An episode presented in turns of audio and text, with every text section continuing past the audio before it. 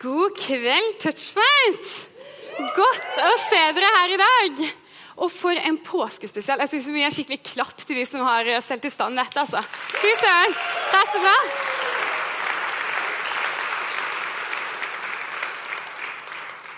Skal jeg bare sette meg litt til rette her. Jeg heter Hanna. Jeg er 23 år, og jeg jobber i dag som barne- og ungdomspastor i en menighet her i Kristiansand som heter Justnes misjonskirke. Men for fire år siden cirka, så var vi en liten gjeng på syv stykk som satt i stua til Regjeringsfoss. Og vi drømte om å starte et arbeid som liksom kunne nå ut til unge voksne og studenter, som liksom så lett kan falle utenfor den søndagskirkekategorien. hvis jeg skjønner hva jeg mener. Og Der starta tanken om touchpoint. Og det er veldig gøy å tenke på nå, fordi jeg husker jeg tenkte åh, Reling, du er så optimistisk. Han liksom sa sånn Ja, vi skal ha ti campus i Norge liksom på to år, sa han. Og jeg tenkte sånn åh, sånn er ikke jeg. Men nå, da, fire år og fem campuser seinere, så sitter vi her og har touchpoint. Og dere har liksom et fantastisk arbeid å komme til, og jeg har skjegg i postkassa. For jeg ble virkelig overraska. For er det noe jeg virkelig har lært i løpet av disse fire årene, så er det at Gud heldigvis er større enn meg, og at man jobber i Guds rike, så kan man forvente store ting, tror jeg. Men jeg er jo 23 år, og jeg lever som dere ser, eh, i dagens samfunn med alt det innebærer. Jeg er buddhist med alt det innebærer, som eh, vi burde, skulle, måtte. Og jeg har selv diagnostisert meg med flink pikesyndrom flere ganger. Og jeg har faktisk også tenkt at enten må jeg være best i det jeg deltar i, eller så deltar jeg ikke i det hele tatt. Skikkelig slitsom tankegang. Og I tillegg så er jeg eh, veldig glad i sosiale medier. Jeg elsker likes og Instagram og Snapchat. Og jeg bruker sikkert som mange av dere også altfor mye tid der.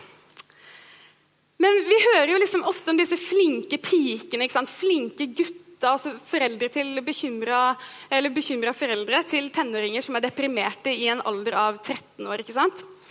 Og så skriver noen med jevne mellomrom en Facebook-status der hvor de er ærlige med livet sitt, sånn som deg, og vi applauderer og vi deler. ikke sant? Men det blir liksom ikke bedre.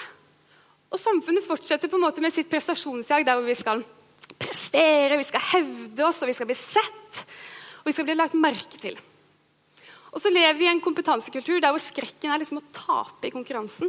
Og vi flykter til mobilen med en gang det blir liksom stille i en samtale, eller vi får fem minutter for oss selv på busstoppet. Og trusselen den er på en måte å falle gjennom og bli borte. og bli, bli ikke like mye sett som alle de andre. Og dette gapet da, mellom den jeg er, og den samfunnet og sosiale medier og ikke minst meg selv sier til meg at jeg burde være, det gjør meg sliten. Og jeg gidder ikke mer av det her det er på en måte prestasjonsjaget som gjør at så mange mennesker lever i fortiden eller fremtiden i stedet for å leve i her og nå, i presens. Og Hva skjer da dere, om vi liksom går gjennom hele livet uten egentlig å leve i det hele tatt? Og hva gjør det med troen vår? Jeg skal lese en tekst som er skrevet av Erik Andreassen, som er pastor i Oslo misjonskirke Betlehem som heter Ideal-Erik, der hvor han snakker om det ideal, idealet som vi prøver å oppnå hele tiden. Eh, og Den har jeg modifisert litt, så dere skal få han som Ideal-Hanna. Kanskje du kjenner deg igjen. Jeg er en friluftsjente, egentlig.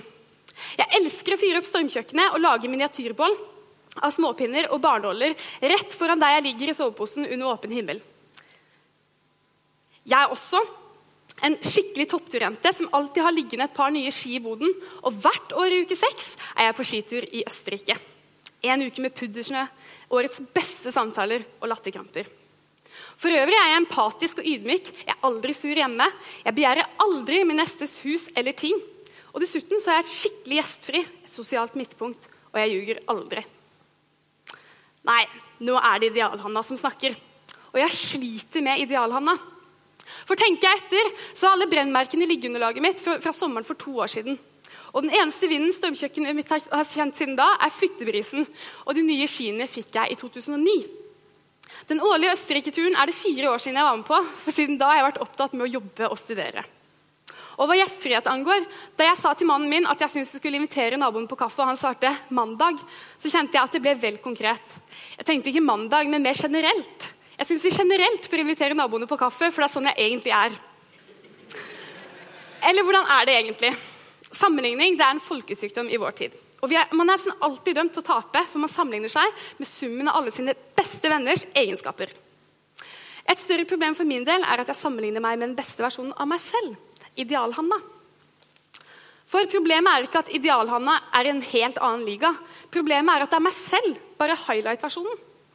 Ideal-Hanna er summen av alle mine beste opplevelser, fremragende idealer og gode gjerninger. Ideal-Hanna lider av selektivt langtidsminne og har bare godværsdager. Når det er ettermiddag og alt som koker, ikke bør koke, og det som skulle kokt, ikke gjør det, når jeg kjenner at jeg er en dårligere kone eller venn enn jeg egentlig er, da glemmer jeg at Ideal-Hanna aldri har sovet dårlig eller jobba for lenge. Og ikke bare sliter jeg med Ideal-Hanna selv, jeg viser henne frem for andre også. Hun skriver Facebook-statuser og dukker regelmessig opp i samtaler, for hun vet jo tross alt best. Spør om et råd, og Ideal-Hanna svarer med et godt prinsipp eller en god vane hun bestemte seg for å følge en gang, men som hun glemt at hun aldri klarte å leve opp til. Det blir en selvforsterkende spiral, og det blir ikke bra samtaler ut av sånn. Og så skriver Erik en sånn helt enkel bønn da, som jeg tenker sånn, åh, ja, den passer sånn i tiden vi lever i dag. Han sier, Gud, hjelp oss til å ta imot livet sånn som det er, og frels oss fra idealkjøret. Amen.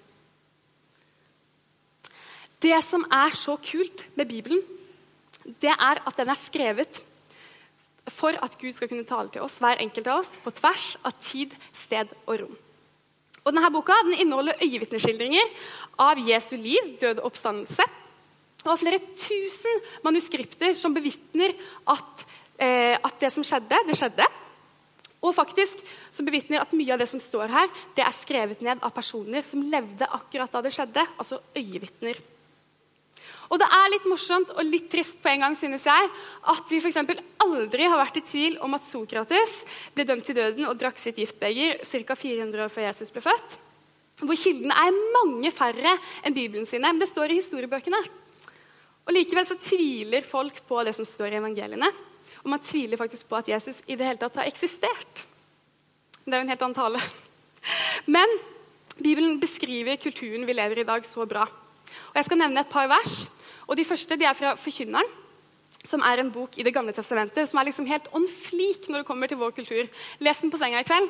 Jeg tror ikke du kommer til å angre. Og Der står det i kapittel 2, vers 22 og 23. Hva har mennesket igjen for alt sitt arbeid, alt hjertet jager etter, for alt det strever med under solen? Alle menneskets dager er fulle av smerte, og alt de driver med, bringer sorg. Det er litt sånn pessimistisk, men hør nå. For ikke engang om natten faller hjertet til ro. Et sånt urolig hjerte. Kanskje du har kjent på det selv? Og så står det videre i kapittel 6, vers 7. Mennesket strever alltid for maten, men sjelens sult blir aldri stilt. Og så et siste vers der fra Det nye testamentet og 1. Johannes brev. står det i kapittel 2. For alt som er i verden, kroppens begjær, øynenes begjær og skrytet av alt en eier, det er ikke av far, men det er av verden.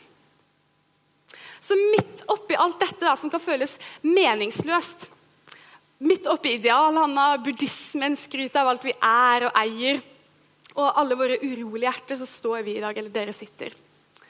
Og jeg tror at påsken med evangeliet om Jesus Kristus er en motpol til det prestasjonssamfunnet som vi lever i i dag. Kanskje en sjokkerende en, til og med. Og Hvis det er noe jeg vil at du skal ta med hjem herfra i kveld, så er det akkurat det. Så må du bare huske det hvis du skal huske én ting i dag. I kirken vår så følger vi et opplegg som vi betaler for hver søndag, som gir oss tema som vi skal forkynne til barna i barnekirka eller søndagsskolen. Og Ei i kirka skulle ha barnekirka for treåringene.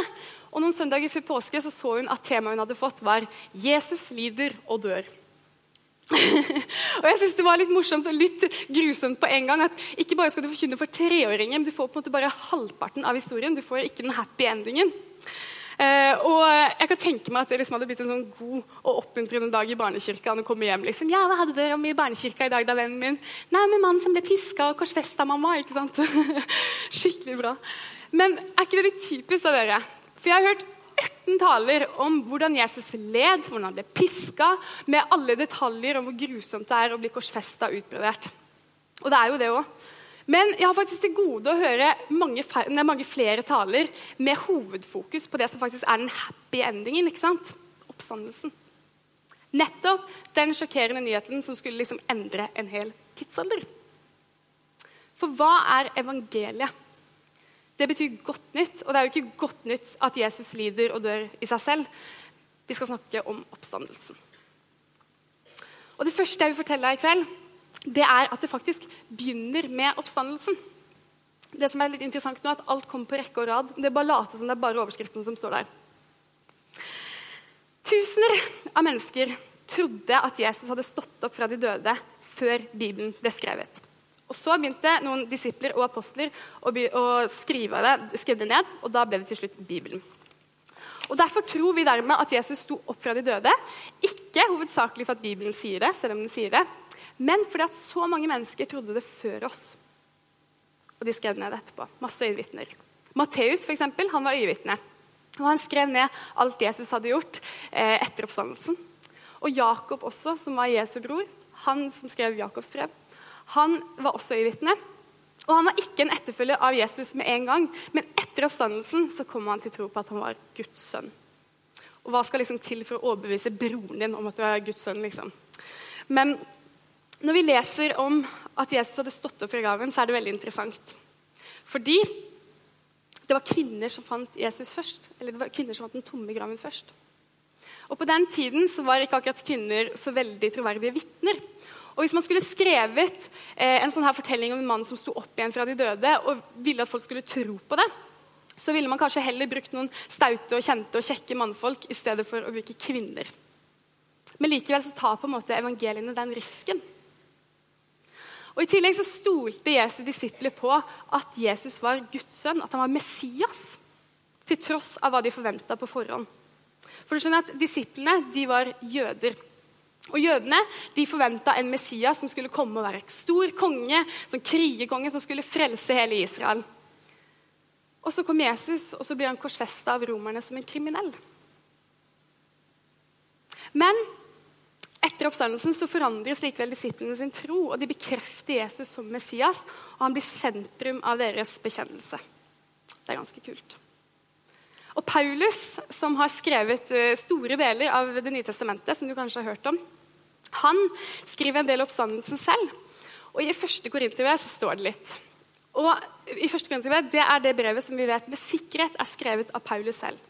Og Det er skrevet ca. 55 eller år 56. Og det vil da si rundt 20 år etter at Jesus døde. Og det vil si at de fleste av de som var med på det her, det var øyevitner. De levde fortsatt. Og Paulus hadde godt belegg for å skrive det han skrev.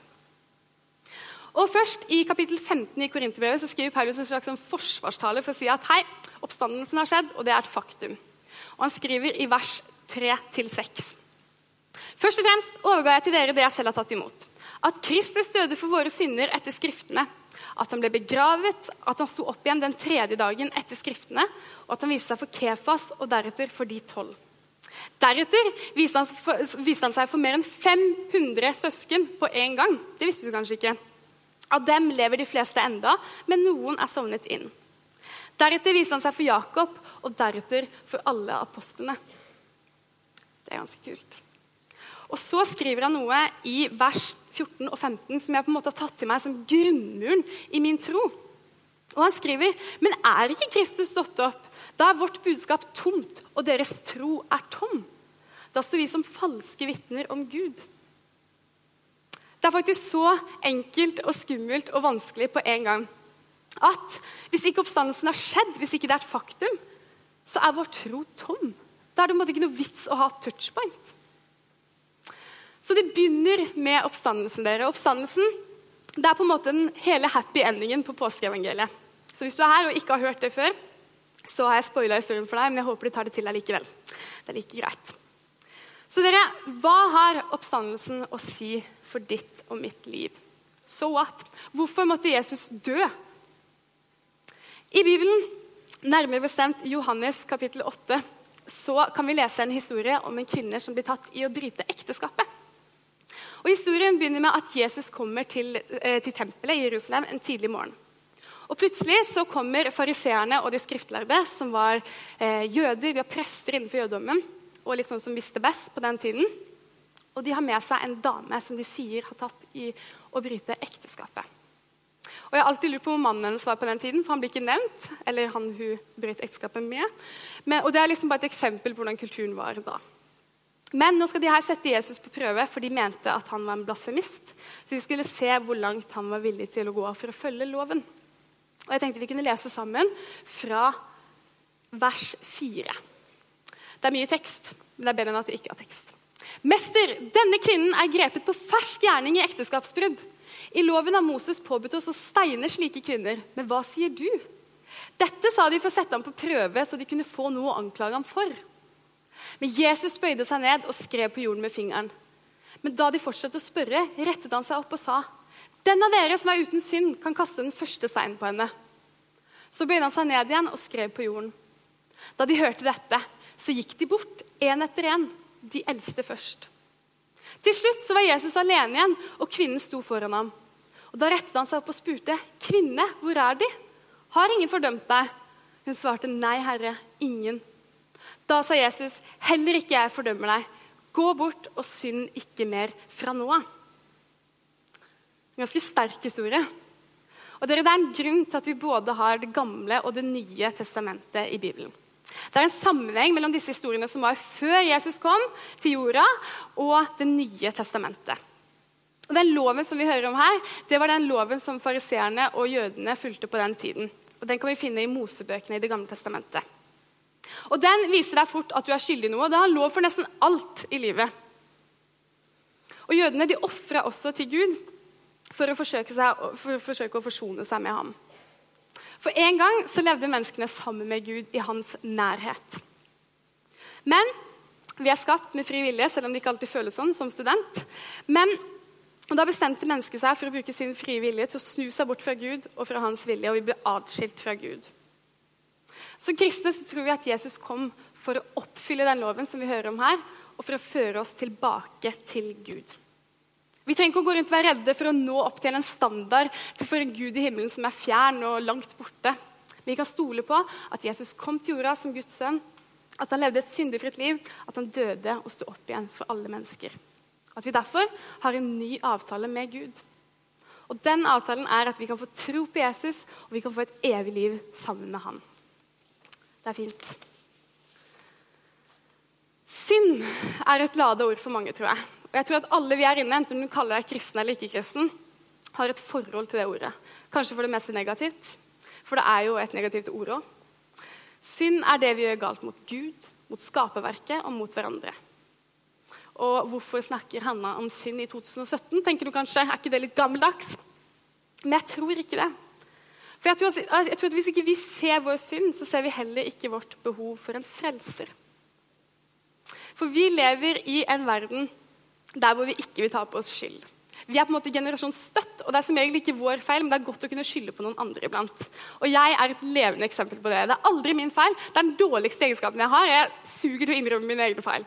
Og det er som regel Jonas sin feil, eksempel, at vi er for seine ut av døra om morgenen. For at jeg brukte så lang tid på å sminke meg, og han maste på meg. Og derfor måtte jeg bruke tid på å eh, kjefte på han, sånn at jeg måtte bruke enda lengre tid på å sminke meg igjen etterpå. For.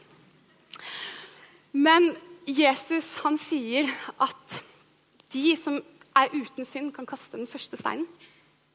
Og Her peker han på de fordømmende menneskene rundt oss i samfunnet som alltid ser andre sin synd, men ikke sin egen. Er det ikke sånn med oss òg? At vi har så lett for å se hvor lite kristent andre oppfører seg, og hvor kjipe de er, mens vi er helt blinde for vår egen oppførsel og levemåte. Men Jesus sier til denne kvinnen som fariseeren har tatt med deg, at hvor er de som fordømmer deg, de som anklager deg? De er i hvert fall ikke her, sier han. Og Når du åpner sidene til evangeliene Matteus, Markus, Lukas og Johannes, så er det ganske slående. For at folk som ikke var som Jesus, likte Jesus. Det var noe med Jesus som var attraktivt. Folk som ikke var som Jesus, likte Jesus, og Jesus likte dem tilbake. Jeg var på et seminar om trosforsvar her om dagen. Og Da sa han mannen som holdt eh, seminaret, at eh, den største innvendingen mot kristen tro i dag, det er kristne. Og vet du hva, Det kan jeg tro på. For kristne har gjort utrolig mye dumt i historien, og vi gjør det fortsatt.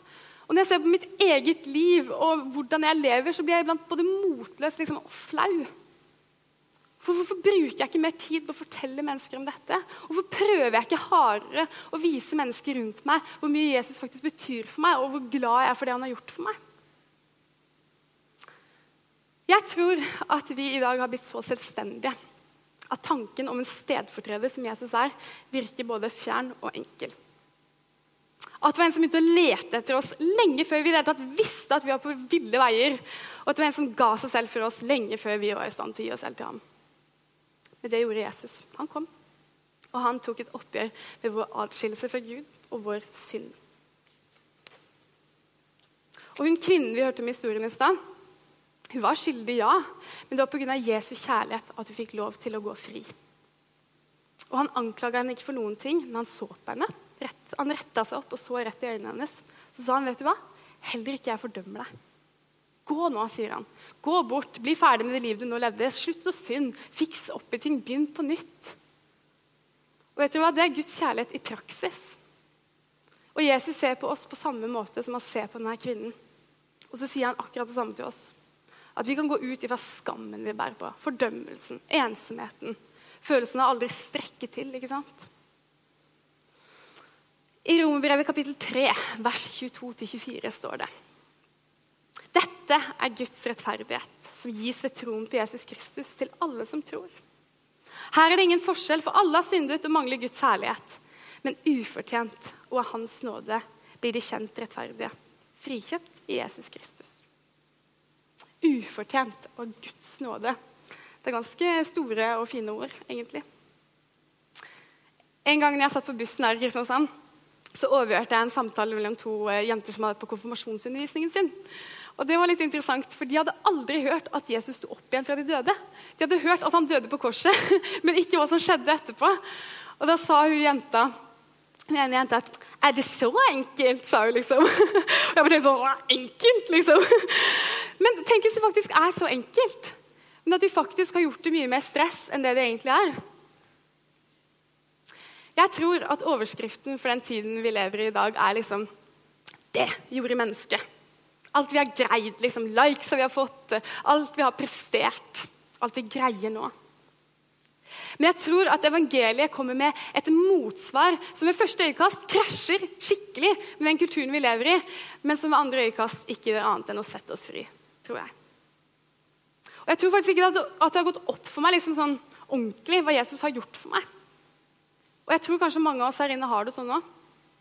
For i dag så skal vi gjøre oss fortjent til alt. ikke sant? For å spise den sjokoladeplata så tar jeg en joggetur først. Og for å kunne ta meg en liten pause i sola så jobber jeg meg fillete. Og vi skal gjøre oss fortjent til ditt og datt. Og så er alt betinga. ikke sant? Det står som regel noe med liten skrift på arket der hvor det står sånn Du trodde det var så billig, du? Eller du trodde det var gratis? liksom, Tro om igjen. Eh, og sånn er det ofte med kjærligheten òg. Den er betinga. Og Derfor tror jeg at vi sånn, kanskje til og med ubevisst kan tenke om Guds kjærlighet at kan ikke være så enkelt. Jeg må gjøre noe for å fortjene det her. Jeg må prestere på en eller annen måte. Og For en stund siden så hadde jeg noen litt uh, tøffe uker. Og Da, opp, uh, da åpna jeg meg for noen av venninnene mine. Uh, og etter jeg hadde vært med de, så får jeg en melding av ei av venninnene mine. Og hun hadde vunnet VIP-extensions hos en hudpleier her i byen. Og for dere gutter som ikke vet hva VIP-extensions er, så er det bare å spørre Jonas. Han begynner å få ganske god kontroll. men, men, Gina, da, som venninnen min heter, hun hadde, bare, hun hadde bare kjent at hun hadde lyst til å gi den premien her til meg. Og for en over gjennomsnittlig jålete person så er ikke det å, bare, det liksom, å få VIP-extensions som å få en fin genser til jul. Liksom, det er stort å få VIP-extensions gratis. Og før jeg liksom kom med takknemligheten, og alt det der, så bare kjente jeg på den derre Det kan ikke være så enkelt. Gina, jeg må betale for det her. Det var det første jeg skrev. Å, bare vent til bursdagen din. Da skal du få tilbake. ikke sant? Men Gina ville ikke ha noe tilbake. Hun ville bare gi det til meg. liksom Fra en venn til en annen venn. Og jeg kan fortsatt kjenne på den der at nei, det kan ikke være så enkelt. Jeg kan ikke bare få det her gratis, liksom. Og jeg mener ikke å sammenligne nåden med VIP-extension, som jeg gjør det likevel. For hvis det er sant, da Hvis Jesus sto opp fra de døde, så tror jeg at det er så stort at når vi virkelig liksom tar det inn over oss, så tror jeg vi aldri kommer til å være den samme mer. Og jeg tror Gud vil at vi skal vite at dette er noe som bare er så gratis som det kan bli. At dette er noe i vårt samfunn som står fast. At det er noe som har kommet for å bli, som vi kan ta imot uansett hvordan vi føler oss. Uansett hvor lite kristne vi føler oss, og uansett hvordan det går med oss. Og det er virkelig ingenting du kan gjøre for å fortjene dette. Det er fullstendig og helt Guds verk. Og vet du hva? Det setter meg som fri å vite det. Og I Feserbrevet kapittel 2 vers 8 så skriver Paulus at av nåde er dere frelst ved tro. Det er ikke deres eget verk, men det er Guds gave. Det hviler ikke på gjerninger for at ingen skal kunne skryte av seg selv. Takk og lov, dere. Takk og lov for at det finnes en plass der jeg kan komme uten å måtte prestere, uten å måtte hevde meg, uten å måtte holde livet på plass sammen selv. Og La oss holde kirka, la oss holde touchpoint sånn også. At Her kan du komme uten å ha tre tjenester på en gang. Her kan du komme akkurat som du er, om du har en dårlig dag eller om du har dårlig, et dårlig år. om du vil. Her kan du komme og være akkurat som du er, og så er det godt nok. Jeg tror at påskens mysterium og evangeliet om en oppstått Jesus er et motsvar til prestasjonssamfunnet med hele overskriften 'Det gjorde Gud', tror jeg. Og dette gir meg håp. For Gud har gitt oss livet i gave. Den mest dyrebare gaven vi kunne fått. Og Hvis du sitter her inne i dag og sliter med din egen ideal-Hanna eller ideal-Ingelin eller ideal eh, deg selv, så skal du vite at dette er for deg. Og Hvis du sitter her inne i dag og er lei av at kristendommen har blitt en sånn gjøregreie, der hvor du alltid må stille opp og bidra med ditt og datt, så skal du vite at dette er for deg. Og Hvis du sitter her inne i dag og kanskje aldri har hørt om påskeevangeliet før, så skal du vite at dette er for deg. Jeg tror vi har fått en gave som er så stor at vi egentlig ikke alltid kan forstå det. Og alt vi trenger å gjøre, er å åpne hendene og ta imot. Og dette er påskebudskapet. Det setter oss fri fra all selvhevdelse, alt skryt av alt vi er og klarer og greier og har, og jaget mot å prestere mer, tror jeg. Og Det er det her vi skal fortelle ungdom som sitter med tomrom i hjertet, som de prøver å fylle med alt annet. Og Det er her vi skal fortelle oss selv når vi føler oss ensomme, uverdige eller oversette. At vi kan få tro på en oppstanden Jesus som har stått opp for meg og deg og alle andre. Det er ganske fint. Dere, skal vi be sammen? Dere må gjerne lukke øynene deres eller bøye hodet i respekt for den som sitter ved siden av dere. For Kanskje du sitter her inne i dag og kjenner på at det her med Jesus, da har du egentlig aldri, du har aldri tatt tak i det. Kanskje du bare har hørt eh, noen andre snakke om det, eller du har hørt det fra talerstolen. eller noe sånt. Men da vil jeg at du skal vite at dette i dag, det er din sjanse til å ta imot denne gaven som Gud har gitt deg.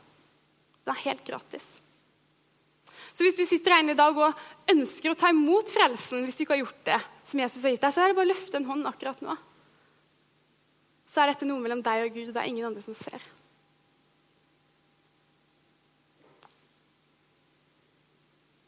Se hånda di.